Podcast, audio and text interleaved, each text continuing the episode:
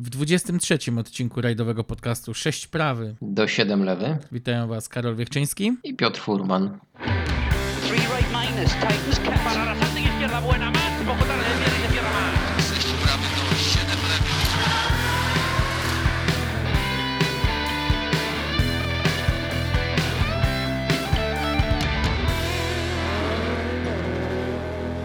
Dzisiaj dla odmiany porozmawiamy sobie o ikonach rajdowego świata, ale ikonach mechanicznych. Nie będziemy skupiać się na kierowcach i ich osiągnięciach, chociaż na pewno też o tym powiemy, natomiast mm, poruszymy temat samochodów, które stały się legendą, legendą nie tylko tras rajdowych, ale również i e, torów wyścigowych. Właśnie, zapraszamy Was na kolejne porównanie tym razem, jak już powiedziałeś, właśnie porównanie samochodów, e, a zestawimy dwie tylnonapędowe legendy. Samochody, które w zasadzie nie miały prawa istnieć e, już w erze Quattro pod koniec lat 80., a będziemy mówić dzisiaj o Fordzie Sierra RS Cosworth i BMW M3 E30.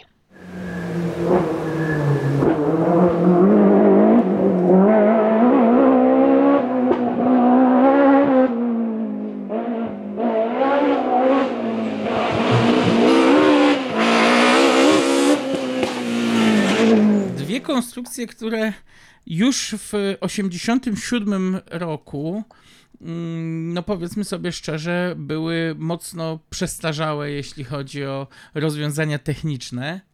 Czysto teoretycznie rozpatrując, oczywiście. Mm, no bo nie oszukujmy się, w dobie napędu na cztery koła, e, co mógł zaoferować e, wóz, który był napędzany e, z układem klasycznym? No, skazany na porażkę na trasach szutrowych czy na śniegu. Natomiast okazało się, że no, na asfalcie może jeszcze dużo namieszać. Na pierwszy rzut oka właśnie tak mogło się wydawać, że te samochody nie będą konkurencyjne dla Lancia, dla Toyoty. E, okazuje się jednak, że wielu kierowców, szczególnie w lokalnych mistrzostwach, wybierało BMW, wybierali też e, Forda. E, I odnosili tymi samochodami duże sukcesy, wygrywali rajdy. E, my w trakcie naszej rozmowy będziemy tutaj przytaczać wiele nazwisk. Przy okazji przypomniemy Wam, jak e, kształtowały się właśnie e, ten, kształtował się ten układ sił między BMW a Fordem. A z racji tego, że te samochody rywalizowały właśnie w tym samym okresie czasu, i miały te najlepsze lata właśnie na przełomie lat 80. i 90., no, okaże się, że miały bardzo dużo do powiedzenia na rajdowych trasach, nie tylko lokalnych. No tak, ale opowieść wypadałoby zacząć od trzeciego producenta, a mowa tutaj o Mercedesie, bowiem już w 1985 roku Mercedes zadebiutował na torach wyścigowych no, pod koniec sezonu 85 modelem 190 e, Cosworth i okazało się, że bardzo szybko mm, samochód ten e, znalazł zastosowanie w narodowych mm, mistrzostwach e, rajdowych. Mm, wynikało to z tego, że Mercedes nie chciał angażować się oficjalnie w sport samochodowy, więc e, stworzono samochód, zbudowano go pod kątem homologacji i przekazano w, ręce prywatnych tunerów. I tak jak już właśnie wspomniałeś, ten samochód już w 1985 roku w e, erze grupy B no, nie miał już co szukać na rajdowych trasach e, Mistrzostw Świata, natomiast doskonale znalazł sobie niszę e, w Mistrzostwach Francji przede wszystkim, przygotowywany przez no, dwóch takich czołowych tunerów, danego Snobeka i Piera Bossa stworzył gdzieś tam legendę tego modelu. Przypomnijmy, że mm, za kierownicą 190 zasiadał y, Didi Oriol. Y, tym samym samochodem później startował Filip Bugalski, mm, Bernard Darnisz, Gerard Manier, Jan van de Marel, czy nawet, co na pewno będzie dużym zaskoczeniem, znany z występów w Quattro, Harald de Move. Więc auto, które zostało bardzo ciepło przyjęte i było dość skuteczną bronią na francuskich odcinkach specjalnych, ale gdzieś ten właśnie sukces Mercedesa stał się mm, ja to tak przynajmniej odbieram, że stał się e, inspiracją zarówno dla Forda, jak i dla BMW. Właśnie, jeżeli jesteśmy przy Mercedesie, to przypomnij mi, bo nie wiem, czy nie jestem w błędzie, ten start Didier Oriola e, w 190 był chyba związany wtedy z tym, że to auto miało być przygotowane, miało być przygotowywane przez Red. E, I były takie próby podjęcia e, tego wyzwania i to auto chyba właśnie tam e, miało być doszlifowane, dopracowane, no i e, osiągać sukcesy. Miało być, natomiast koniec końców Didier Oriol startował z samochodem z firmy Snobek Racing Service i niestety nie doszło do takiej otwartej współpracy z firmą Red. Mnie się wydaje też, że mm, tam nie dogadali się przedstawiciele Mercedesa, tego oddziału belgijskiego z firmą Red, bo to oni mieli mm, dawać samochody e, właśnie dla, dla, dla tunera. Co ciekawe, nie był to brytyjski oddział. Więc yy, rękę na wszystkim położył Mercedes France, yy, skierował yy, Oriola do Snobek Racing Service i, i, i to właśnie dany Snobek, który sam zresztą takim samochodem się ścigał w Mistrzostwach Francji. To ja tylko przypomnę, że, e, że start Didier Oriola Mercedesem miał miejsce w 1986 roku e, podczas rajdu Tour de France e, i Oriol zajął tam drugie miejsce. W 1986 roku Oriol startował MG Metro, wtedy zdobył tytuł mistrza Francji i auto rzeczywiście było tamto auto przygotowywane przez brytyjski Red. Ale dobrze, wracamy do BMW i do Forda, mm, bo tutaj naprawdę ta historia w tej drugiej połowie lat 80. Y, mocno się rozkręca i pewnie nie byłoby tej rajdowej historii, gdyby nie wyścigi. No to prawda. Ja nie będę się tutaj zagłębiał aż tak bardzo mocno w e, historię Forda, no bo e, przecież e, w odcinku drugim przewertowaliśmy większość tych kart historii tego samochodu, zarówno na torach wyścigowych, jak i o, na, na, na rajdowych trasach. Natomiast warto skupić się tutaj troszkę bardziej nad. Mm, nad samochodem BMW, bo tak na dobrą sprawę to wszystko zaczęło się od nie tyle samochodu, co od silnika. Bo w połowie lat 80. Eberhard Kuenheim, który odpowiadał za sukcesy firmy w, wyścigach DRM i e, no, w ogóle wszystkich e, klasach turystycznych, bo przecież BMW ścigały się nie tylko w Niemczech, ale również i w Wielkiej Brytanii czy nawet w, na, na, francuskich y, torach. E, no, zdał sobie sprawę, że dochodzi e, czas zmierzchu modeli E21 i E24. E, latające cegły, bo, bo tak o tych samochodach mówiono, które homologowano w grupie piątej. Ja jestem wielkim fanem wyścigów samochodów sylwetkowych. Te auta po prostu są tak irracjonalnie piękne, że mógłbym się godzinami wypowiadać na ich temat. No, niestety okazało się, że mm, tam urosła bardzo mocna konkurencja, bo z jednej strony Zaxpit wszedł z modelem Capri, z drugiej strony Porsche, z trzeciej strony w przypadku BMW jeszcze pojawiła się taka wewnętrzna walka modelem M1. I doszło do tego, że yy, no, spirala kosztów też serii DRM była na tyle duża, że mm, włodarze serii stwierdzili, że coś tu trzeba zrobić. Niemieckie automobil kluby też zaczęły kombinować, jak utrzymać yy, cykl wyścigowy jak najniższym kosztem, no bo zaczęło się ograniczać to wszystko do trzech producentów, a nie, a nie na tym to miało polegać. Mm, I w 1984 roku wprowadzono całkowicie nową formułę opartą o homologację, co, ciekawą, co ciekawe, e, zbliżoną do rajdowej grupy A, a mianowicie powstał początkowo nazywany jako e, Deutsche Produktionwagen Meisterschaft, a później przemianowany na Deutsche Touringwagen Meisterschaft, cykl e, DTM. I BMW... Bardzo widowiskowy zresztą na przełomie lat 80. i 90. No tak, bo, bo były to zobaczyć auta. Tak, kilka takich wyścigów, no to na pewno będzie mocno zaskoczony, jak mogły być widowiskowe wyścigi samochodowe wtedy.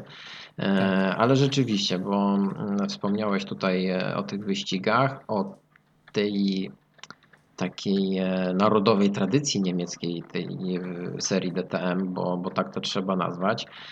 No i te samochody tam robiły sporo zamieszania. No zwróć uwagę, zwróć uwagę i tu na pewno się ze mną zgodzisz, że jednak Niemcy zawsze stały wyścigami. Sport rajdowy Tak. jest tam bardzo niepopularny i zawsze był niepopularny. Tak, myślę, że to tak bardziej jest uwarunkowane kulturowo, że, że jednak nie są bliższe są wyścigi, taka e, bardziej atmosfera e, torowa niż e, OS-owa i to było rzeczywiście już wtedy bardzo mocno widoczne. Ale okej, dobrze, BMK e, w wyścigach e, i powoli, powoli e, jak to się stało, że to auto znalazło się w rajdach? Mm, Okej. B- Wyścigowo w pierwszym cyklu, w pierwszym sezonie cyklu DTM e, BMW wystawiło model 635. No niestety e, okazało się na tyle mało konkurencyjne w porównaniu z choćby nawet Volvo, że e, no, padła decyzja o opracowaniu nowego silnika. Silnik miał być hybrydą, opartym na bloku jednostki M10 i głowicy silnika M88 opracowanego dla BMW M1. On dostał nazwę roboczą S14. Co ciekawe, mm, szefem projektu mianowano e, Paula Roszek. To był gość, który już w tamtym czasie budował silniki e, dla Formuły 1 i stąd też wziął się ten taki mit, że BMW M3 w nadwozie 30 posiadało silnik z Formuły 1. No nie do końca to była prawda. Mm, Niemniej jednak udało się zbudować bardzo trwały silnik, czterocylindrową rzędową e, jednostkę o pojemności 2,3 litra. Dokładnie taką samą e, jak pierwszy Mercedes e, 190 Cosworth, Cosworth. Em, tak, i w drogowym wcieleniu ten silnik generował moc około 192 konie. Co ciekawe, mm, na pier, przy pierwszych próbach jakiegokolwiek tuningu tego silnika pod kątem zastosowań sportowych wykazywał o wiele większe, e, o wiele większy potencjał od silnika właśnie Mercedesa. E, I tutaj też y, no, szefostwo Mercedesa bardzo mocno mm, zaczęło no, nie, nie tyle protestować, co mocno y, zademonstrowało swoje zdanie, że w końcu BMW jest y, samochodem dwa lata młodszym, że technologicznie bardziej zaawansowanym, no bo y, nawet wyścigowy Mercedes rzadko kiedy przekraczał moc y, 250 koni, rajdowe auto tak powiedzmy 10-15 koni mniej. Ja ci tutaj wejdę w słowo, bo jeżeli jesteśmy przy tym e, silniku, o którym mówisz, e, to przypomnę taką historię, e, którą kiedyś przytoczył John Bosch. Mm, Ten wysokoobrotowy, Mhm. wolno ssący silnik wytwarzał nieprawdopodobny dźwięk z siebie i, i to auto było naprawdę bardzo głośne.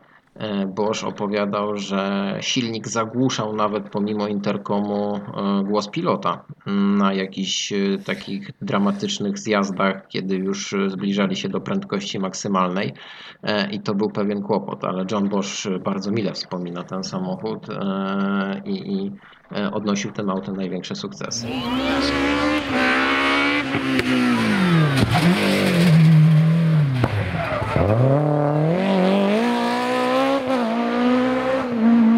No ja tutaj tylko przytoczę to właśnie, co powiedziałeś, y, że maksymalny moment obrotowy ten silnik osiągał przy e, ponad 6,5 tysiąca obrotów na minutę. To jest naprawdę dużo, bo przypomnijmy, że w Fordzie e, Sierra Cosworth, okej, to jest trochę głupie porównanie, bo ja tu już na tym etapie naszej opowieści chcę podkreślić, że silniki BMW i Forda poza e, powiedzmy tym, że miały cztery cylindry, nie, ma, nie miały ze sobą absolutnie nic wspólnego. To były dwa skrajnie różne silniki pod kątem charakterystyki.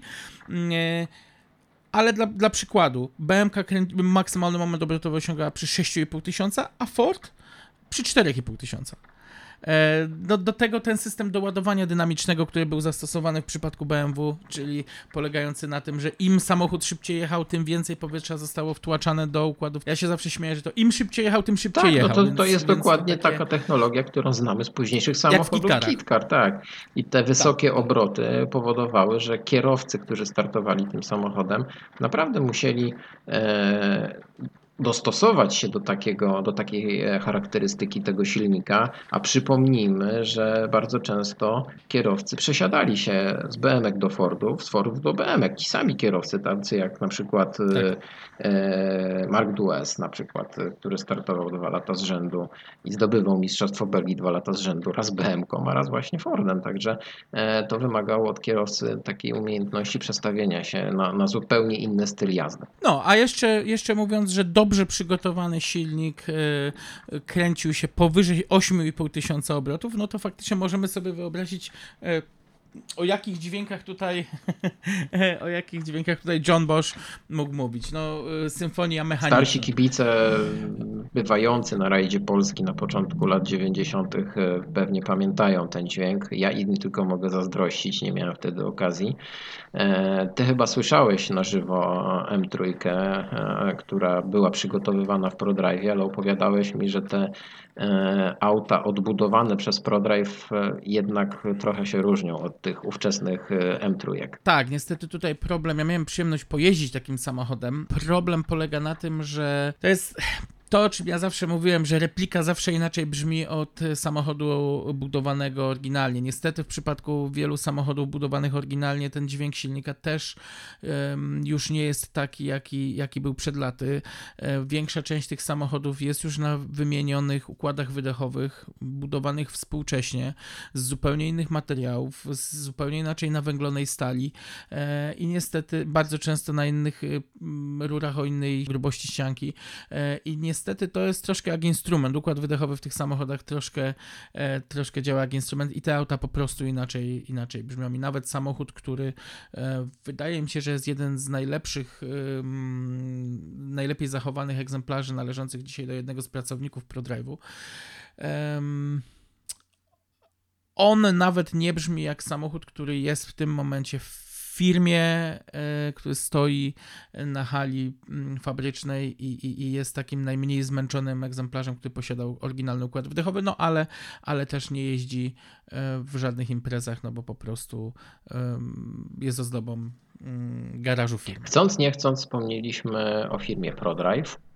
E, zatem chyba już powoli przejdziemy do tej rajdowej historii BMW. No, a gdyby nie przedsiębiorczość Davida Richardsa, no to chyba BMW w rajdach by nie było. Zdecydowanie tak. Po debiucie BMW M330 w 1987 roku w e, cyklu DTM i po pierwszych suk sukcesach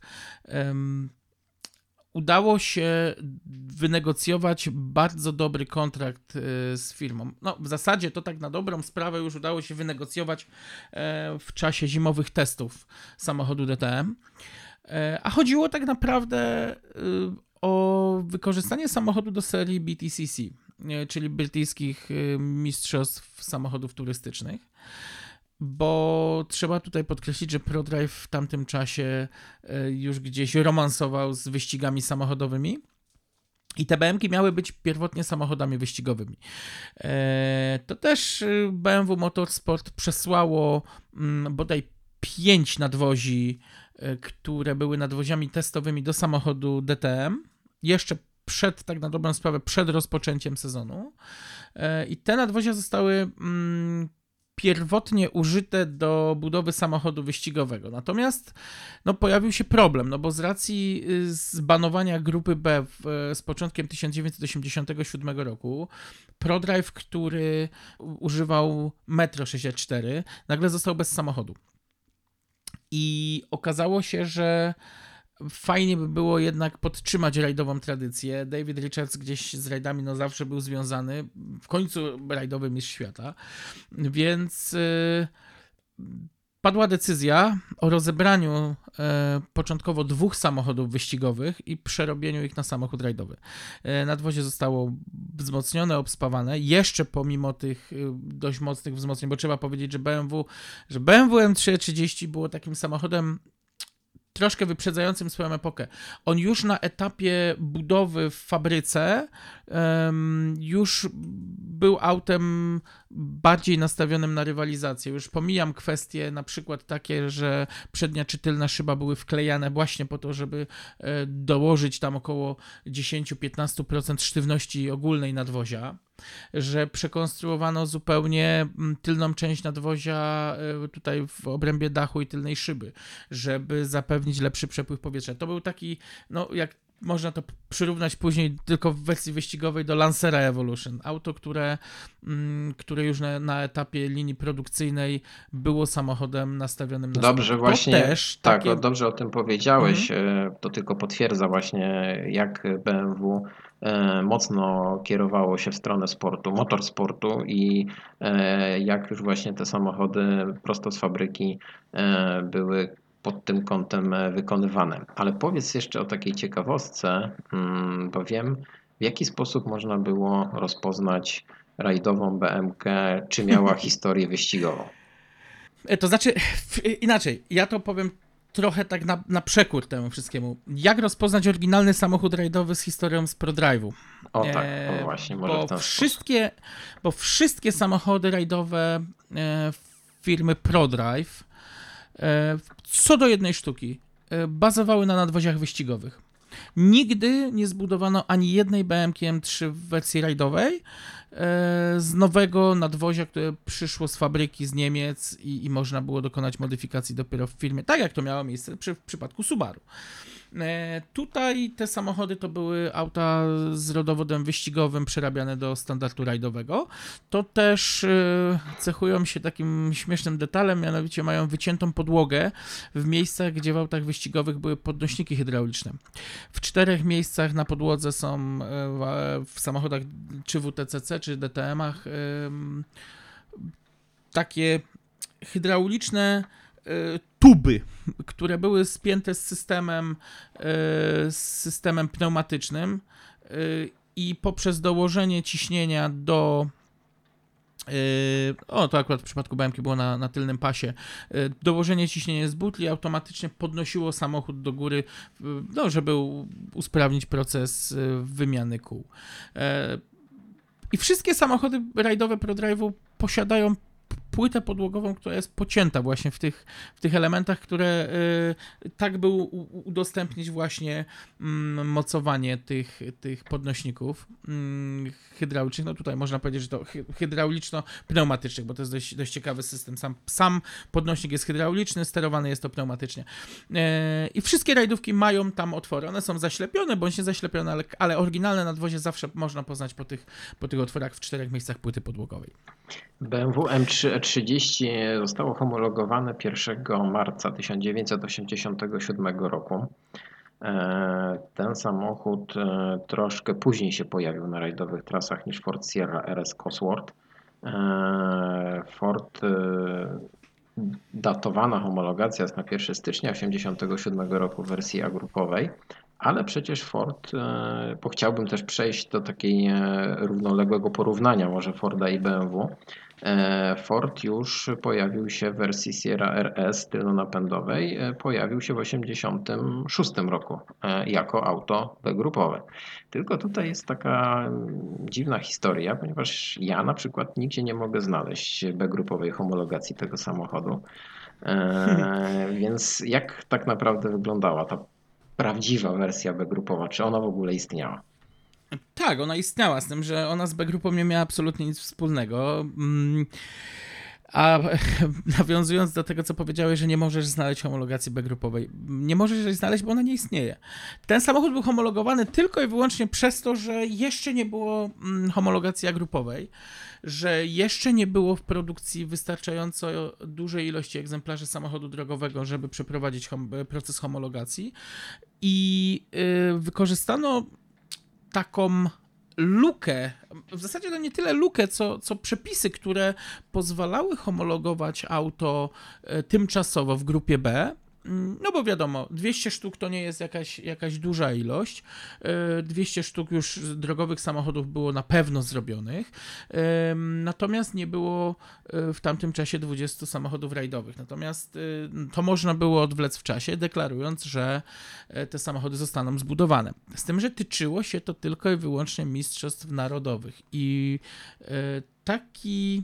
mm, Z tego, z tego kruczku wy, skorzystał Ford już w styczniu 1986 roku, wystawiając trzy e, Sierry tylko ja w tym momencie przykro mi, ale nie pamiętam w jakim rajdzie. Natomiast to były samochody Phila Collinsa, Roba Stonemana e, i świetnie znanego dzisiaj Chrisa Mellorsa.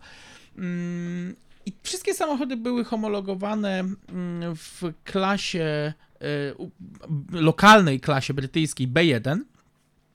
E, natomiast tak naprawdę to, to te samochody z grupą B nie miały absolutnie nic wspólnego. No może poza rozmiarem kół, które miały, miały użyte, bo tam były większe mm, e, możliwości zastosowania kół, rozmiarów kół, jeśli chodzi o, o, o, mm, o shooter.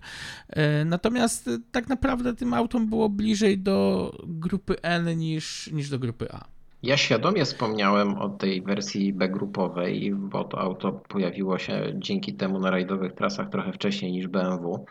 E, I mam wrażenie, że dzięki temu to auto też bardzo szybko osiągnęło taką pełną rajdową formę. Ja przypomnę, że 87 i 88 rok w lokalnych mistrzostwach należał właśnie do Forda Sierra.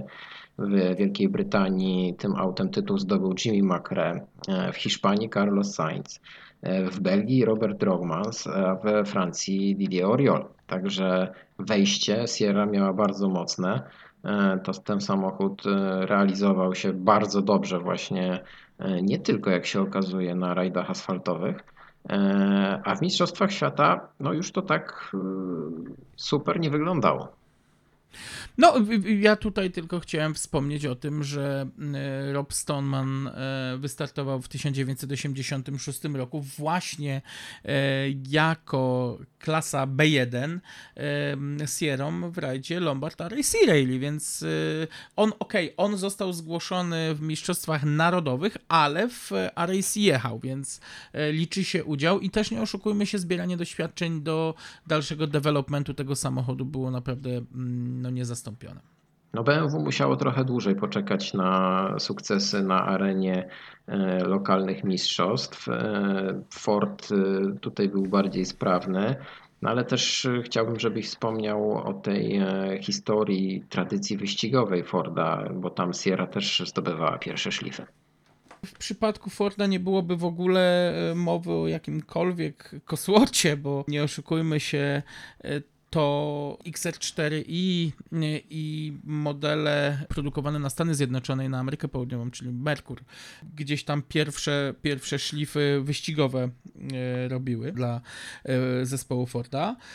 No i tutaj znowu y, postać Karla Ludwigsena, czyli gościa, który był szefem działu sportu mm, firmy Ford w tamtym czasie, y, gdzieś sprawiła, że zdecydowano się na opracowanie silnika i wstawienia go do trzydrzwiowego samochodu y, i oddelegowania do wyścigów ten, ten samochód y, jak najbardziej się sprawdzał. Z tym, że ja tutaj znowu będę podkreślał różnice, nawet na poziomie wyścigów DTM, czy nawet na poziomie mm, serii e, brytyjskich wyścigowych, e, jak diametralnie różne podejście było do konstrukcji BMK i e, Forda. BMW już, na, tak jak wspomniałem, na etapie produkcji samochodu drogowego było autem, któremu bliżej było do wyścigówki niż e, Fordowi. Ford, pomimo tego, że posiadał e, no, silnik generujący moc 220-230 e, koni.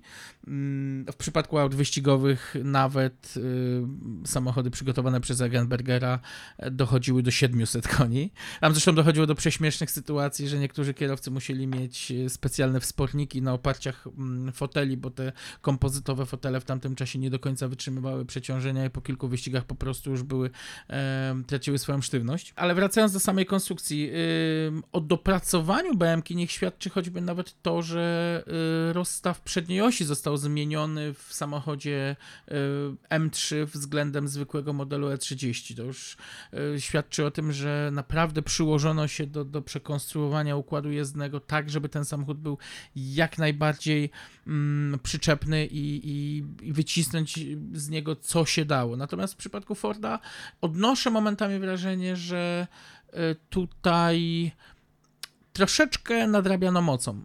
E, owszem, wyścigowe BMK, szczególnie w, w, różnych ewolucjach, e, przekraczały moc 400 koni mechanicznych, nawet e, można gdzieś znaleźć informację, że 450 koni, ewolucja druga już, już nie miała żadnego problemu z tym, natomiast y, to i tak w dalszym ciągu było nic w przypadku 700 koni Cosworta. Y, I ta finezja jednak y, BMW gdzieś ustępowała jednak tej takiej zwykłej, prostej, hamskiej mocy Forda. W przypadku rajdów, y, no wydaje mi się, że to też gdzieś dawało większe możliwości użycia Forda na szutrach. No tak, tylko że wciąż mówimy o tej wersji tylnonapędowej, która z założenia e, mogła lepiej sprawować się na suchych e, asfaltach. I Ford od samego początku e, kombinował, pozwolę sobie użyć takiego określenia, z dwoma rodzajami napędu. Po raz pierwszy rajdową Sierra w Mistrzostwach Świata ujrzeliśmy na rajdzie Monte Carlo w 1987 roku. Ford wystawił wtedy dwa auta, ale Stig Blomqvist jechał autem czteronapędowym w wersji XR4, a Kalle Grundel pojechał tylnonapędową RS-ką. E, no, jak wiemy, ten start e, ani w jednym, ani w drugim przypadku nie był udany. E, I ten debiut w Mistrzostwach Świata wypadł no, dosyć blado. Wiesz co, tylko zwróć uwagę na jedną rzecz. Ja odnoszę wrażenie, że po 87 roku w Fordzie gdzieś panowie stracili mm, jakąś taką wenę do budowania samochodów rajdowych. Do czego zmierzam? Y, pierwszy projekt Escorta RS 1700 y, Turbo, który miał być samochodem B-grupowym z napędem na tylną oś, miał być naturalnym przedłużeniem Escorta tego, tego Mark II tylnonapędowego. Yy, okazał się kompletnie straconym projektem, bo no, nie oszukujmy się, wyszedł za późno w dobie samochodów z napędem na cztery koła, on już nie miał co robić. Yy, ok, on dał za to świetny silnik dla yy, podwaliny podbudowę silnika dla RS200 ale już w tamtym czasie no, ktoś tam musiał wiedzieć, że przyszłość samochodu rajdowego należy do napędu na cztery koła. Więc ja chyba e, skłaniałbym się ku temu, że tylnonapędowa Sierra była bardziej budowana i bardziej e, testowana w tamtym czasie pod kątem mistrzostw narodowych, gdzie jednak y, no, auta z napędem na jedną oś jeszcze mogły coś, coś zrobić, szczególnie po załamaniu się grupy B. Mm, z racji choćby nawet kosztów, no nie oszukujmy się, koszt zakupu auta tylno-napędowego było wiele niższy, koszt obsługi takiego samochodu było wiele niższy, więc dlatego odnoszę wrażenie, że y, gdzieś y, ten Cosworth był promowany, a jednocześnie y, system napędu na cztery koła w XR4 był znowu teatrem badań pod kątem Sierry Cosworth 4.4, więc wydaje mi się, że że, że tutaj o to chodziło. Ja mam wrażenie, że Ford e, nie mógł sobie pozwolić nawet e, z punktu widzenia marketingowego e, na to, żeby odpuścić sobie rajdowe samochodowe Mistrzostwa Świata. W rajdzie Monte Carlo w 1987 roku wystartowały aż 7 Fordów Sierra wystartowało w wersji tylnonapędowej. W większości oczywiście to były samochody grupy N. E, wystawiane dla lokalnych kierowców lub po prostu prywatnych zawodników. Mm, I Ford, e, tak jak wspomniałeś, no, chciał się też e, w jakiś sposób pokazać w narodowych mistrzostwach, ale te mistrzostwa świata były bardzo ważne. Mm, samo zatrudnienie Stiga Blomqvista chyba też coś o tym mówi, nie? że jednak oni oczekiwali wejścia w tą grupę A w takim dobrym stylu, e, nawet biorąc pod uwagę jakieś zwycięstwo w debiucie, w sezonie debiutu tego samochodu. No myślę, że tak, z tym, że y, zwróć uwagę, że jednak większa część sezonu 87 y, trzon ekipy Forda jednak jechał autami tylno-napędowymi i pomimo tego, że y, ten model XR4 gdzieś tam y, pojawiał się na trasach, no to bardziej była to fanaberia e, przygotowana dla Stiga Blomqvista, który, no nie oszukujmy się, był specjalistą od napędu na cztery koła. e, niż, e, niż samochód, który mógłby coś zwojować nawet w porównaniu do, do Lancia. Tam no jeszcze nie oszukujmy się, no Sierra była stosunkowo ciężkim samochodem w wariancie XR4 e, i też no, nie tak mocnym. Gdyby ja zawsze sobie zadawałem pytanie, dlaczego do XR4 już na tamtym etapie nie wsadzono silnika Coswortha? I, i, I to jest dla mnie największy znak zapytania. Ale wiem, że rozmawiałeś ze Stigiem Lundquistem na temat e, rozwoju wtedy modelu Sierra w rajdach samochodowych. E, wspomniałeś o jego fanaberii, e, żeby to było auto też 4x4 i on nie był do końca zadowolony z tej tylnonapędowej RS-ki bo to auto jednak było dosyć mocne, tak? No na, na, na szutrowych nawierzchniach no, musiało przegrywać nawet z taką wczesną Lancią Deltą. E, która, tak, ja która pamiętam... dopiero też się rozwijała. Mhm, ja pamiętam, jak Stig opowiadał e, o testach, które były wyko- wykonane w e, Hiszpanii, tuż przy granicy portugalskiej, gdzie rozmoczony shooter mm, zaczął zalepiać praktycznie całe e, nadkola tego, tego, tego auta e, i doszło do, dosłownie do takiej sytuacji, że, że ten samochód się autentycznie zakopywał.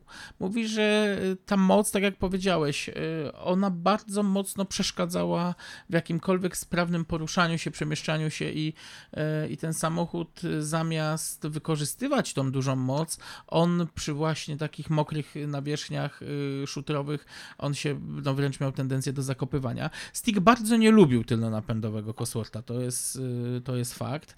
Mm, I dlatego też y, to on tak naprawdę e, Stewarta Turnera no, niemalże zmusił do opracowania właśnie mm, wariantu XL4, tłumacząc to świetnym polem do popisu dla marketingowców, że ten, temu samochodowi jest bliżej do drogowego Forda Sierra niż, niż Cosworthowi. No ale Ford bardzo szybko zarzucił wymyślił e, program rozwoju XR4. E, w 1987 roku Stick wystartował e, w czterech rundach rajdowych Mistrzostw Świata tylno-napędową wersją. Dwa razy nie ukończył, ale dwa razy był na podium. W Finlandii był trzeci, w RAC był drugi. No, te wyniki no, wróżyły coś dobrego coś nadchodziło takiego, co mogło Forda cieszyć, ale pierwsze zwycięstwo w rajdowych Mistrzostwach Świata i jedyne zwycięstwo w rajdowych Mistrzostwach Świata nie należy do Stiga Blomqvista. No nie i tutaj znowu musimy jeszcze wspomnieć o, o tej konkurencji ze strony BMW, no bo yy, zwróć uwagę, BMki, nawet próbując gdzieś, będąc w prywatnych rękach już, bo nie oszukujmy się, zadaniem, i to trzeba podkreślić, zadaniem ProDrive'u z e, samochodem marki BMW było tak naprawdę przygotowanie zespołu fabrycznego BMW UK do wyścigów BTCC, natomiast cała, cała działalność e, rajdowa była stricte pod płaszczykiem ProDrive'u. BMW nie miało absolutnie nic e, wspólnego z tym e, procederem. Łącznie z tym, że przecież jak dobrze pamiętasz, pierwsze e, ProDrive'owe BMki były w malowaniu ProDrive. One nie miały na sobie żadnych e, znaków BMW, po prostu były wymalowane w barwy ProDrive'u. No tak, ale w 1987 roku już na nadwoziach pojawił się Rotmans, mm, który też wynikał z bardzo dużej przedsiębiorczości e, Davida no, Richardsa. No on e, wynikał... I chwała on mu wynikał, za to oczywiście. Dokładnie. On wynikał z tego naturalnego... Um, z tego naturalnego połączenia. Jeszcze przecież pamiętaj, że na samochodach ProDrive'u Rotmans pojawiał się już w czasach, y, kiedy ProDrive nie był ProDrive'em, tylko nazywało się to jako DR Autosport. E, I, a zespół z Bambry obsługiwał samochody Porsche. Zresztą, no co tu dużo mówić, o tym też trzeba będzie kiedyś nagrać tak, odcinek, koniecznie. ale y, RSSC to jest samochód, który był stworzony przez zespół ProDrive. 911 RSSC to był samochód stricte zbudowany właśnie w Bambry i stworzony przez zespół ProDrive. Przy współpracy Także z inżynierami Porsche. BMW nie miało wsparcia fabrycznego, o czym już powiedziałeś. Nie rajdowe. Nie rajdowe. W Mistrzostwach Świata zadebiutował również w 1987 roku i tutaj mogę śmiało powiedzieć, że BMW miało dużo mocniejsze wejście do WRC niż Ford, ponieważ wygrało w debiucie. Bernard Begin wygrał rajd Korsyki w 1987 roku. To był pierwszy start auta przygotowanego przez ProDrive w Mistrzostwach Świata. No i zwycięstwo, pokonane dwie Lancia. No, najlepsze, najlepszy scenariusz, jaki można sobie było wymarzyć. No tak, tylko znowu to wszystko, punkt widzenia zależy od punktu siedzenia. Ja jednak pomimo całej sympatii zarówno do zespołu ProDrive, jak i do e, BMW M330, jednak e, będę skłaniał się do tezy, że e, w 1987 roku to jednak Sierra Cosworth była tym samochodem, który był o wiele bardziej wszechstronny, pomimo wszystkich ułomności napędu na tylną oś. I zwróć uwagę, że to doskonale widać e, na jakich imprezach e, ProDrive, na jakich imprezach rangi Mistrzostw Świata pojawiał się ProDrive. No, Rajd Korsyki, Francja to było w pełni uzasadnione. Kibice rajdowi, którzy są głębiej w temacie, doskonale wiedzą, że BMK M3 najczęściej spotykano we Francji e, i do dziś tak jest e, w tych rajdach historycznych w kategoriach e, samochodów z tamtych czasów. Te BMK w dalszym ciągu się przewijają. I, i, I, tutaj nawet tytuły mistrza Francji, które zdobywał François Chatriot w 1989-90 roku, właśnie za kierownicą BMW M3, no dają dużo do myślenia.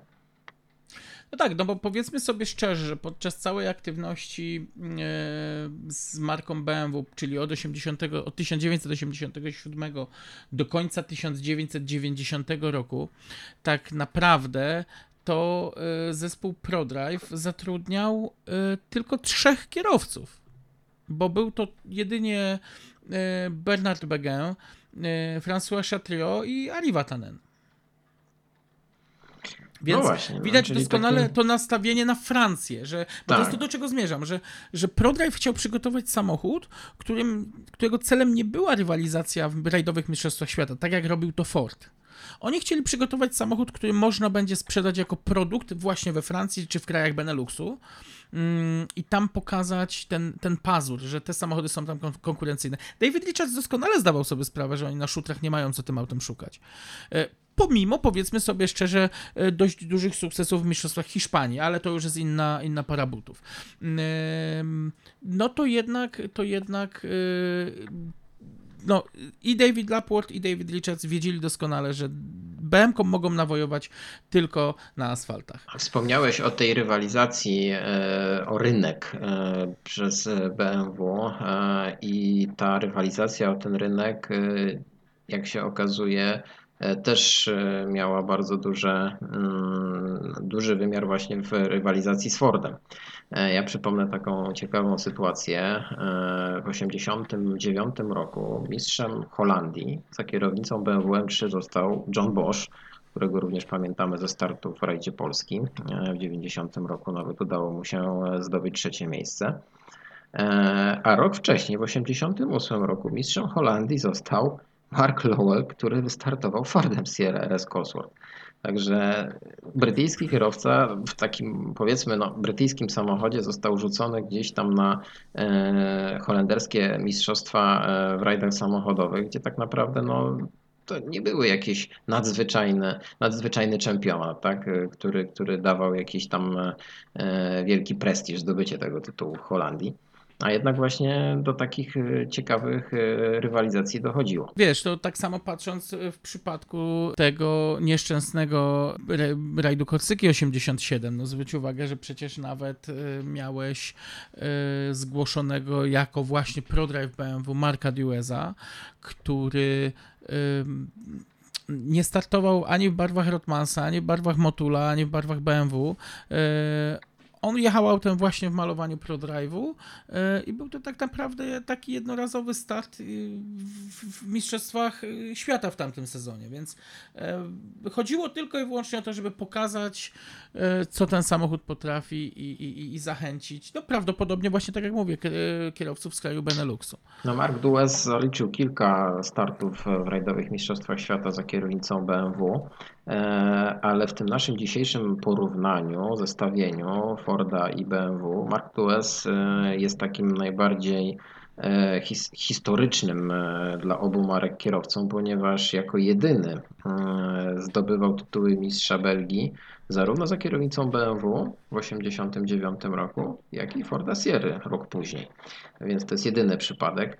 Trzeba też przecież tutaj o innym belgijskim kierowcy wspomnieć, e, Patricku Sniersie, który w 1988 roku z kolei zdobył e, tytuł mistrza Belgii i został wicemistrzem Europy. Wygrał Wright Manx, przypomnę, e, tak. który, który no, należał do, do Forda właśnie w drugiej połowie lat 80.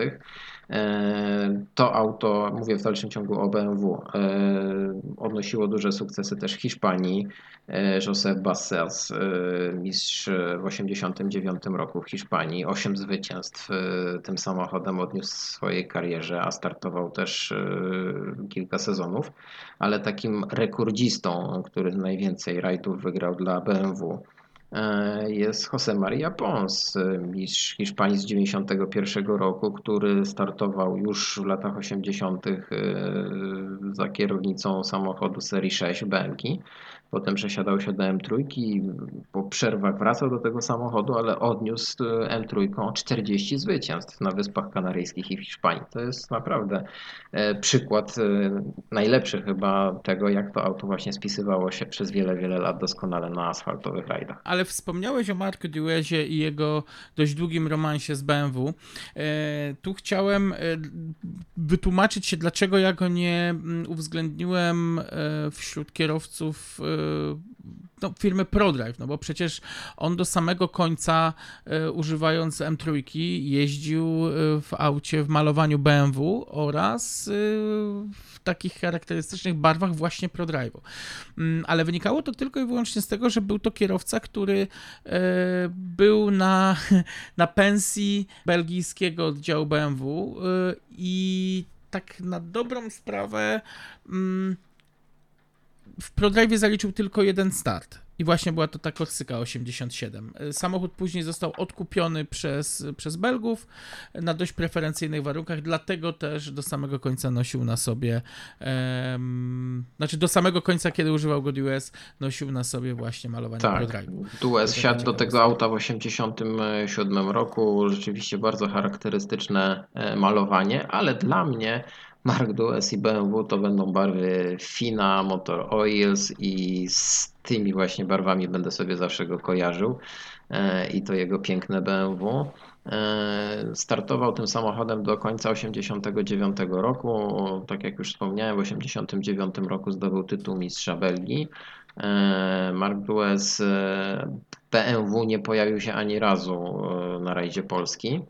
E, ale jeżeli jesteśmy tutaj e, przy rajdzie Polski i już wspomniałem o tym rajdzie, no to musimy wspomnieć też e, o kierowcy ze Związku Radzieckiego jeszcze ówczesnego, Nikolaju tak, Bolsik, tak. który przecież no, był nie lada sensacją nie tylko w Polsce, ale między innymi na rajdzie w Irlandii. No właśnie, bo ja też chciałem tutaj wspomnieć o tym, że te samochody nie tylko... Mm, były konkurencyjne na francuskich odcinkach specjalnych i, i, i, belgijskich, ale też y, dość dużą furorę wykonały na irlandzkich asfaltach. E, I tutaj no, nie sposób pominąć y, legendarnego startu braci Bolszyk w 1990 roku podczas rajdu Killarney, e, rajdu, rajdu Jezior, gdzie zajęli w tamtym czasie absolutnie sensacyjne drugie miejsce, gdzie załoga, no nie chcę powiedzieć znikąd, natomiast no, w Irlandii no nie byli to ludzie, którzy byli jakoś bardzo znani. Nagle pojawili się na starcie rajdu i zaczęli klepać lokalnym e, driverom po kilkanaście sekund na odcinkach specjalnych i, i, i, był to absolutny szok. Ja polecam gorąco odgrzebać sobie relacje z, właśnie z Killarney Rally of the Lakes z 1990 roku i to, co e, Nikolaj e, z Igorem Bolszikiem e, wyprawiają na, na tych trasach, no to jest naprawdę poezja. No ja postaram się zamieścić te, te relacje e, na naszym fanpage'u, ale mało tego, przecież bracia Polszik rok później znowu pojawili się na tym rajdzie w Irlandii, zajęli trzecie miejsce, także trzecie dwa miejsce, starty, tak. E, dwa starty, za każdym razem kończyli ten rajd na podium, no robiło to duże wrażenie. W 1991 roku pojawili się z kolei na rajdzie Polski. E, wystartowali i do szóstego, bodajże szóstego odcinka specjalnego e, byli szybsi od Johna Boscha i piąte chyba miejsce w generalce nawet zajmowali. Także to też dużo mówi o możliwościach auta i umiejętności, umiejętnościach kierowcy. No a przecież to auto było przygotowane też przez ProDrive, więc to było dobre, mocne, tak. solidne auto. Można śmiało powiedzieć, że to właśnie dzięki e, Nikolajowi e, powstał dział ProDrive Legends, bo to on zgłosił się bo okej, okay, z całej historii sytuacja wyglądała tak, że e, po sezonie 1990, gdzie samochód był wypożyczany z ProDrive'u, i, I po tym sezonie Nikolaj przyszedł do e, Davida Richardsa z propozycją odkupienia e, swojego egzemplarza. No niestety to początkowo nie było możliwe, natomiast e, udało się e, tam zastąpić ten egzemplarz innym autem, e, później jeszcze go podmienić. Tam w ogóle były śmieszne historie z, z tasowaniem tych aut. Natomiast koniec końców Nikolaj stał się właścicielem właśnie BMW M330, zabrał go ze sobą do Rosji i co ciekawe w 90 E, szóstym albo siódmym roku, już nie pamiętam dokładnie, zgłosił się z powrotem do firmy ProDrive z e, prośbą o odbudowę jego egzemplarza. Mm, no, nie ukrywam, że cały proces odbudowy był dość dramatyczny, bo w międzyczasie samochód e, się zapalił, będąc na warsztacie. Był to. Mm, był to, przepraszam, to musiało być później, bo to był już czas, kiedy, kiedy były, ProDrive był zaangażowany w projekt Mini E, I od jednej z rajdówki właśnie z samochodu WRC, który był testowany na stanowisku, y, gdzie się go budowało, coś, coś poszło nie tak, zapaliła się instalacja elektryczna, y, spłonęło wtedy, spłonął wtedy jeden z egzemplarzy mini WRC, spłonęło jedno nadwozie, które było przygotowane gdzieś tam e, stojące obok i zapalił się właśnie samochód e, Nikolaja Bolsika. I to dało takiego kopa, e, szczególnie Davidowi Laportowi, który stwierdził, że ok, zaczynamy od, od nowa szukanie części do tych samochodów i, um, i okazało się, że um, no, tu jest potencjał, żeby, żeby założyć firmę właśnie taką specjalizującą się w odbudowie starych historycznych rajdówek, które mm, właśnie zbudował ProDrive. I co ciekawe właśnie, e, można śmiało usłyszeć zawsze w rozmowie z Lapim, że, że to Bolszik, bracia Bolszik gdzieś e, no, dołożyli swoją cegiełkę do tego, że ProDrive Legends dzisiaj istnieje, chociaż sam dział ProDrive Legends nie obsługuje dzisiaj samochodów BMW, skupiony jest bardziej na pracy Subaru. Ja natomiast chcę jeszcze powiedzieć o takich anegdotach, bo bracia Bolszik byli e, no niestety Igor, e, przepraszam, Nikolaj już nie żyje, natomiast Igor też, bo, bo Igor chyba rok później zmarł. Natomiast no, słynęli z bardzo specyficznego poczucia humoru, który zjednywał sobie im przyjaciół i słynęli z tego, może dlatego też tak się utarło w ProDrive mówić, że bardzo dobrze odnajdują się właśnie w Irlandii, bo E, dużo czasu spędzali trenując przed rajdem w lokalnych pubach z lokalnymi kierowcami rajdowymi i, i, i, pomimo barier językowych e, bardzo szybko potrafili zjednać sobie przyjaciół. Zresztą sam David Richards e, Nikolaja darzy, darzył bardzo dużą sympatią, stąd też zdecydował się na sprzedaż jemu samochodu. No to mamy już wyjaśnioną dobrą formę braci Bolszik w Irlandii. Musieliśmy o nich wspomnieć. Ja jeszcze chcę wspomnieć, ja jeszcze chcę wspomnieć o jeszcze jednym kierowcu, który używał BMW i też pochodzi e, z Irlandii, a znany jest e, polskim kibicom pamiętającym zamierzchłe czasy lat 2000, e, a mówię tu o Austinie McHale'u bo przecież y, i on używał produktów y, BMW i to przez całe dwa lata w sezonie 90 i 91. Y, właśnie nawet z braćmi Bolszik ścigał się siostrzanym egzemplarzem BMW M3. No, ale tutaj jeszcze, e, jeżeli jesteśmy na wyspach, e, to musimy wspomnieć e, o Bertie Fischerze, który, Oczywiście. który tym autem Tak. zdobył e, tytuł e, mistrza Irlandii w 90 roku. E, Odniósł co prawda tylko dwa zwycięstwa za kierownicą M3, e, ale też kojarzymy tego kierowcę z tym samochodem. E, W odróżnieniu od Sierry, którą oczywiście kojarzymy z Marianem Bublewiczem, zaraz o tym też wspomniemy, o tym jego egzemplarzu, którym startował. E, BMW no, nie jest tak bardzo e, mile wspominane i kojarzone z polskimi zawodnikami, a ja wspomnę o takim epizodzie Jacka Lewandowskiego, e, znanego pilota, który startował też innymi z Marianem Bublewiczem. On w 1987 roku startował jako pilot fińskiego kierowcy Jari Niemi. Wystartowali wtedy w trzech rajdach. W zasadzie mieli wystartować w trzech rajdach, bo rajd Akropolu e, skończył się dla nich e, już przed startem, ponieważ to BMW po badaniu kontrolnym zostało skradzione. E, Było to N-grupowe auto, niezwiązane z ProDrive'em, ale to była M3 E30. Warto o tym wspomnieć. Jacek Lewandowski na łamach magazynu WRC opowiadał kiedyś o tej historii. Można wrócić do tego, jeśli ktoś posiada e, archiwalne numery.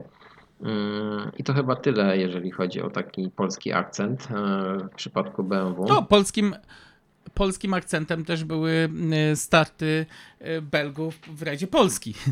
No tutaj akurat y, w przypadku BMek to aż tak dużo tych startów właśnie nie było. To ja bardziej Johna Boscha kojarzę w rajdzie Polski za kierownicą BMW.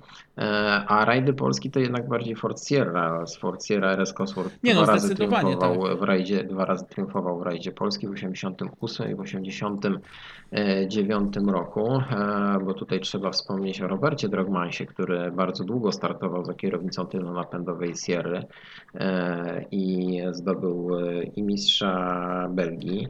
Wygrał też e, rajd Polski tym samochodem, auto w barwach Belgii, belgijskiego mm, producenta papierosów. Też bardzo charakterystyczne. E, No ale nie zapominajmy też o Marku Sule, który Tak. już w 89 roku pojawiał się na rajdowych trasach w Polsce właśnie. No w podczas rajdu 88 Polski. właśnie Mark Sule wygrał rajd polski. On dał pierwsze Tak, zwycięstwo tylko Sierra. Cosworth, tak. E, Nie A udało już się rok to... później pojawił się BM-ką. Tak, e, a nie udało się to właśnie niestety Marianowi Bublewiczowi, który właśnie nabył Forda Sierra w 91 roku. E, Zdobył oczywiście tytuł mistrza Polski za kierownicą tego samochodu. E, Sierra ONX 3200, tablice rejestracyjne, słynne auto w barwach Marlboro, każdy kibic pamięta ten samochód. Przypomnijmy, że to było auto kupione od y, Roberta Drogmansa, znaczy po, po Robercie Drogmansie. Auto było oczywiście serwisowane przez e, belgijski RAS. No to był samochód e, w ogóle z bardzo ciekawą historią, ale myślę, że tutaj jeśli chodzi o Fordów, to, to ja po raz kolejny słuchaczy odeślę do odcinka numer dwa, bo tam, e, Tak, tam no, dużo powiedzieliśmy o tych autach. na czynniki pierwsze, tak, Skupiliśmy kwestie, się. kwestie Coswortha. Tam się skupiliśmy co prawda na wersji czteronapędowej, ale nie sposób nie było nie wspomnieć o e, genezie RS Coswortha i o startach tego samochodu e, w barwach Marlboro w Polsce. E, I tutaj Marian Bublewicz chyba bardziej cenił sobie właśnie tą wersję tylnonapędową. Wygrał 5 rajdów e, tym samochodem w Mistrzostwach Polski. E, Nawet w 1992 roku, kiedy już posiadał wersję Cosworth 4x4, na zmianę startował w niektórych rajdach tylnonapędowym e, egzemplarzem. Uważał, że na suchych asfaltach e, tylnonapędówka daje jednak pewną przewagę. E, I no, najczęściej się to rzeczywiście zgadzało z, z rzeczywistością. W 1992 roku wygrał przecież rajd Elmot, e, startował innymi też w rajdzie Niemiec, e, zdobywając wtedy tytuł wicemistrza Europy. Także mam wrażenie, że jednak e, sentymentalnie Marian był z tym samochodem tylnonapędowym bardziej związany. No, na szczęście w dalszym ciągu istnieje.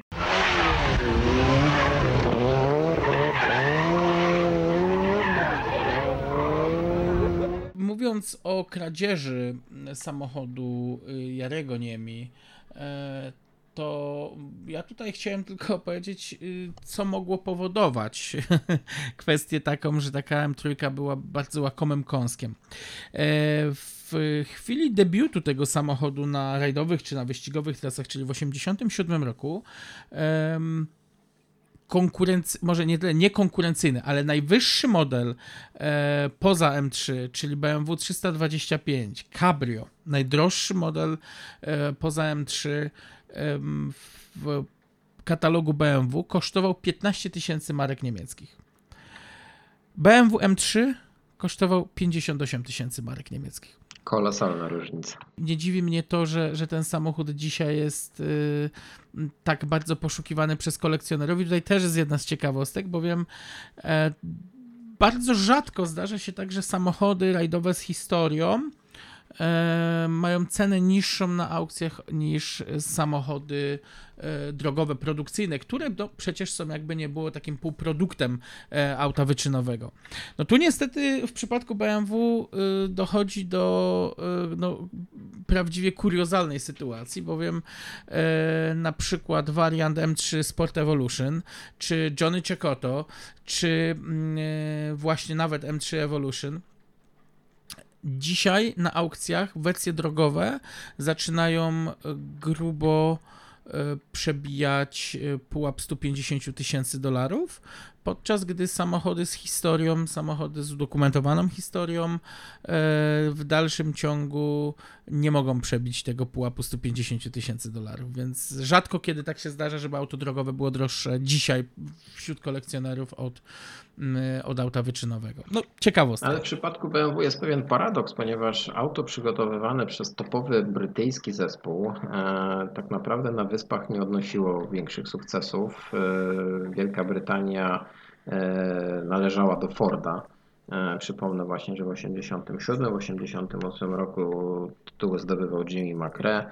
E, Russell Brooks zdobywał w 1989 roku za kierownicą Sierra tytuł mistrza Irlandii. Jednak ten Ford tam bardziej był popularny, mm, bardziej znany. Ford też nie odniósł spektakularnego jednak sukcesu w rajdowych Mistrzostwach Świata. Udało się wygrać tylko jeden rajd, również rajd Korsyki. Rok później po BMW w 1988 roku znowu w pobitym polu zostały dwie Lancia. Mm, to musiało Lancia bardzo chyba boleć. Dwa lata pod rząd przegrać z tylnonapędowymi samochodami e, no, nieporównywalnie mniejszych producentów. Didier Oriol, przypomnę, w 1988 roku to było to właśnie jedyne zwycięstwo dla Sierry. E, I właśnie Didier Oriol czy Carlos Sainz to są kierowcy, którzy bardzo dużo e, zawdzięczają temu egzemplarzowi, temu modelowi e, rajdowego Forda. Oni zdobywali szlify i w mistrzostwach swoich narodowych, ale właśnie przede wszystkim w mistrzostwach świata. Przecież Carlos Sainz pierwszy odcinek specjalny w mistrzostwach świata wygrał Fordem. E, Didier Oriol wygrał swój pierwszy rajd w Mistrzostwach Świata właśnie w Sierra. Także oni e, mieli taki dobry start, którym Ford im zapewnił e, i te kariery się bardzo dobrze przecież rozwinęły później. Wiesz co, tak, odnoszę wrażenie, może się mylę, że tutaj znowu do, mm, do głosu doszła ekonomia. To znaczy M3 E, no w Wielkiej Brytanii ja nie przypominam sobie, żeby ktokolwiek poza Bertie Fisherem e, eksploatował ten samochód. Mówię tutaj o, nie o Irlandii, a o Wyspach Brytyjskich. E, szczerze mówiąc, to, to no, z czuba stawki nie kojarzy sobie nikogo innego, kto by, kto by używał M3. Ale też z czego to wynikało? No, wydaje mi się, że na pewno znaczy to akurat nie wydaje mi się, to jest pewne. Y, M3 była dużo droższa w serwisowaniu, dużo droższa w zakupie części zamiennych. Mm, zwróć uwagę, y, M3 pochodziła tylko i wyłącznie od jednego tunera, był to ProDrive, tak. który już w tamtym czasie nie miał opinii taniego tunera.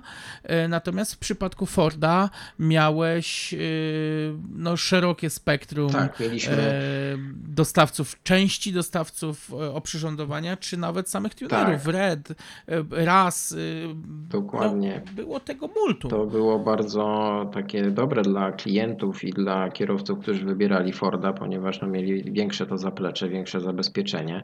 E, może dlatego właśnie Ford e, więcej tych tytułów narodowych zdobył, ale niewiele więcej, bo tak jak już wspomniałem, Jimmy McRae dwukrotnie zdobywał tytuł mistrza Wielkiej Brytanii, Carlos dwukrotnie tytuł mistrza Hiszpanii, a Oriol dwukrotnie mistrza Francji. E, Drogmans e, raz zdobył tytuł mistrza Belgii w 1987 roku. Marian Bublewicz był najszybszy w Polsce w 1991 roku. E, I rzeczywiście tutaj tych tytułów się troszeczkę namnożyło. Ale BMW wcale tutaj po latach bardzo Fordowi nie ustępuje, ponieważ François Chatriot dwa razy był najszybszy we Francji w 1989-90 roku, Patrick Snier z Belgii w 1988, rok później Mark Dues. E, w Hiszpanii w 89 e, Josep Bassas, e, też pewne zdobycie tego tytułu. John Bosch w Holandii, Bertie Fischer w Irlandii. Także no, te samochody naprawdę miały swoje 5 minut, trwające w drugiej połowie lat 80. Co prawda nie udało się żadnemu kierowcy zdobyć ani za kierownicą BMW M3, ani Forda Sierra tylnonapędowego tytułu Mistrza Europy. E, ale zdecydowaliśmy się jednak porozmawiać dzisiaj właśnie o tych samochodach, e, bo wgłębiając się coraz bardziej w ten temat, okazuje się, że no, są bardzo modelami zasłużonymi dla rajdów samochodowych i wstyd byłoby o tym dzisiaj nie powiedzieć. Tak, i tutaj podkreślmy od razu, e, że pomimo tych, jeszcze raz, pomimo tych wszystkich podobieństw, te samochody są diametralnie od siebie różne. I to też właśnie powoduje te koszty w przypadku BMW, że, że był to samochód, który był budowany w mniejszych ilości egzemplarzy, że jeżeli jakiekolwiek uszkodzenie nadwozia musiało to nadwozie pochodzić z modelu M3, że nie była to zwykła trzydrzwiowa Sierra Cosworth, którą można było znaleźć na każdym parkingu pod e, Tesco, tylko był, było to wyspecjalizowane nadwozie budowane stricte do sportu. Wspomniałeś o właśnie różnicach pomiędzy ilościami tytułów zdobytymi dla Forda i dla BMW. Zwróć uwagę, że jednak ta BMK prze, e, pojawia się, przewija się w klasyfikacjach generalnych krajów, które mimo wszystko e, no, miały zaplecze, bardzo duże zaplecze sponsorskie tytoniowe. Tak, tak. I wydaje mi się, że to powiązane było z tym, że po prostu ich stać było na, na użycie BMW. Y, a skąd wynikały różnice? No, choćby nawet, no bo można byłoby powiedzieć, że jednak Ford jest z turbodoładowanym silnikiem, jest więcej rzeczy do obsługi, ale nie do końca. I znowu musimy wrócić do specyfikacji technicznych obydwu samochodów, bo pomimo tego, że y, Ford miał silnik y, turbo doładowany, to właśnie kwestia choćby nawet e, obrotów mocy maksymalnej e, i, i parametrów momentu obrotowego, przebiegu momentu obrotowego, czy nawet stopnia sprężania, bo w przypadku BMW mówimy o 12, e, w przypadku Forda mówimy 7 do 7,5. Więc yy, yy, tu już widać, że ten silnik BMW będzie wymagał yy, częstszych okresów międzyprzeglądowych. Y, do tego jeszcze kwestia na przykład sprzęgła, bo w przypadku Forda było to jednotarczowe sprzęgło, w przypadku BMW było to dwu, a nawet w skrajnych przypadków, y, w skrajnych przypadkach w końcowej linii modelowej, że tak powiem, samochodu rajdowego były to trzy tarcze, y, więc koszt zakupu takiej tarczy był o wiele droższy. Poza tym kwestia nawet samej skrzyni biegów, ok, to też był w przypadku BMW, był to Getrack, e, ale była to skrzynia, która była jednak odrobinę droższa od e, skrzyni fordowskiej. Wynikało to trochę z tego, że oprzyrządowanie do tej skrzyni było robione pod kątem BMW i nie bazowało na takim wolumenie części sprzedanych jak do samochodów Forda, tak jak wspomnieliśmy właśnie ilość tunerów mm, i tak dalej dalej. Natomiast co jest bardzo mocno e, rzucające się w oczy. E, BMW, pomimo tego, że jednak dysponuje. Mm, no okej, okay, to powiedzmy sobie tak. Na papierze wszystkie auta powinny mieć 300 koni, prawda? ale doskonale wiemy, jak wyglądała kwestia mm, obchodzenia zwężek w Fordach. Przecież yy, słynna akcja, o której opowiadaliśmy już z Bostancim, który y, sprytnie potrafił wyjmować yy, zwężkę na gorącym silniku między odcinkami specjalnymi, później ją wkładać z powrotem, y, no to jednak świadczy o tym, że te samochody to 300 koni tak miały na papierze. Nie oszukujmy się, Ford generował o wiele wyższą moc w stosunku do BMW. Natomiast na czym polegała magia BMW? Ano polegała na tym, że było ponad 100 kg lżejsze od e, Sierra Cosworth, bo e, BMK schodziła poniżej 1030 kg, e, mm, a Ford niestety taki w specyfikacji grupowej to było 1150 kg. No, podczas dzisiejszej naszej rozmowy mam nadzieję, że udało nam się zrównoważyć jakiś aspekt techniczny, który przedstawiłeś bardzo szczegółowo obu tych samochodów z osiągnięciami sportowymi obydwu modeli, ale musimy przyznać. Okej, okay, ale, ale podsumujmy, no właśnie, no. podsumujmy. No właśnie. Masz swojego faworyta? Wiesz co, jestem, nie jestem prywatnie fanem BMW, ale jeżeli chodzi o model M330, to auto robi na mnie po dziś dzień tak niesamowite wrażenie, e, że mam naprawdę dreszcze oglądając przejazdy wtedy właśnie tych e, zawodników z tamtych lat e, tymi samochodami. Z kolei patrząc na Forda, na te jego głośne wystrzały, na te jego piękne poślizgi głębokie, no i kwestie oczywiście e, polskiego najgłośniejszego akcentu w postaci Mariana Bublewicza, też jednak ten Ford gdzieś tam w sercu głęboko mi został e, w moich jakichś wspomnieniach związanych e, z takimi młodzieńczymi latami. Także ciężko mi wybrać faworyta. E, nie wiem jak w Twoim przypadku. Ja lekki znak równości z niewielką przewagą jednak w stronę BMW. Ja mam e, olbrzymi problem, ponieważ jestem wewnętrznie rozdarty. BMW M3 e, to jest dla mnie trochę bohater jednego rajdu i mówię tu o rajdzie Kocyki, e, patrząc w ujęciu mm, Mistrzostw Świata. ProDrive też sprytnie do tego podszedł, nigdzie tego samochodu nie pokazując poza właśnie francuską wyspą. Mówimy tu cały czas o, o Mistrzostwach Świata. To auto ani nie wystąpiło na Monte Carlo, ani na żadnej innej rundzie asfaltowej. Natomiast y, Ford pokazał się, że jednak pomimo, tak jak już wspomniałem, swoich ułomności tego tylnego napędu jednak był autem o wiele bardziej wszechstronnym.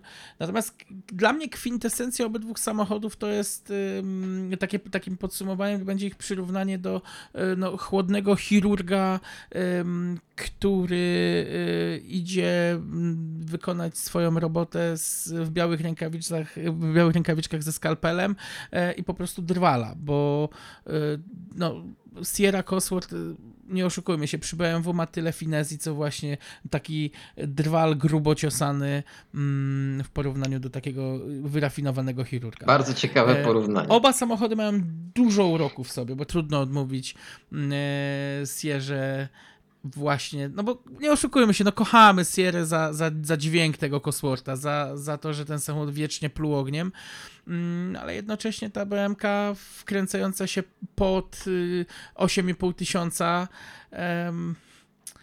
i wręcz nieziemsko trzymająca się drogi, no też ma dużo swojego uroku. Ciekawostką jest to, że praktycznie wszystkie samochody, które ProDrive wykorzystywał e, w wyścigach w serii mm, BTCC, dzisiaj, poza jednym egzemplarzem, przepraszam, e, wszystkie nadwozia zostały zużyte do rajdów, więc to też świadczy o tym, że jednak ten samochód odniósł sukces i, i dla firmy był no, jakimś tam ucieleśnieniem tej wizji samochodu, który może dużo zrobić właśnie na określonych nawierzchniach.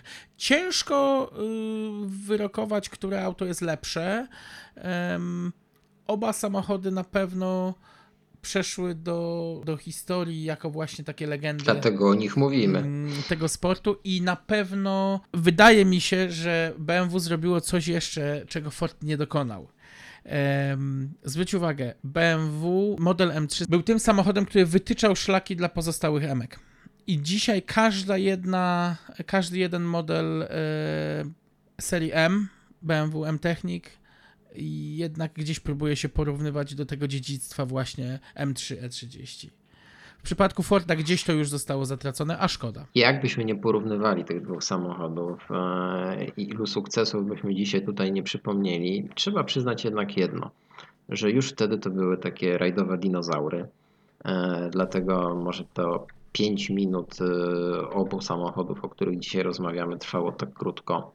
E, praktycznie te samochody zostały wyparte przez bardziej rozwinięte czteronapędowe konstrukcje. Przypomnijmy, że w 90 roku Ford już wprowadził na stałe Sierra Cosworth 4x4, chociaż też były takie nieliczne, co prawda, starty wersji czterodrzwiowej, w wersji tylnonapędowej. E, ale o tym też już wspominaliśmy. E, no BMW z racji tego, że nie miało tego wsparcia mm, fabrycznego w rajdach samochodowych, e, też powoli zaczęło wymierać. We Francji w dalszym ciągu, co prawda, tych samochodów jest bardzo dużo, ale rzeczywiście no, ProDrive skupił się wtedy już na Subaru. E, rozwijał e, całkiem nowy projekt e, i tym wyznaczał jakąś ścieżkę do sukcesu.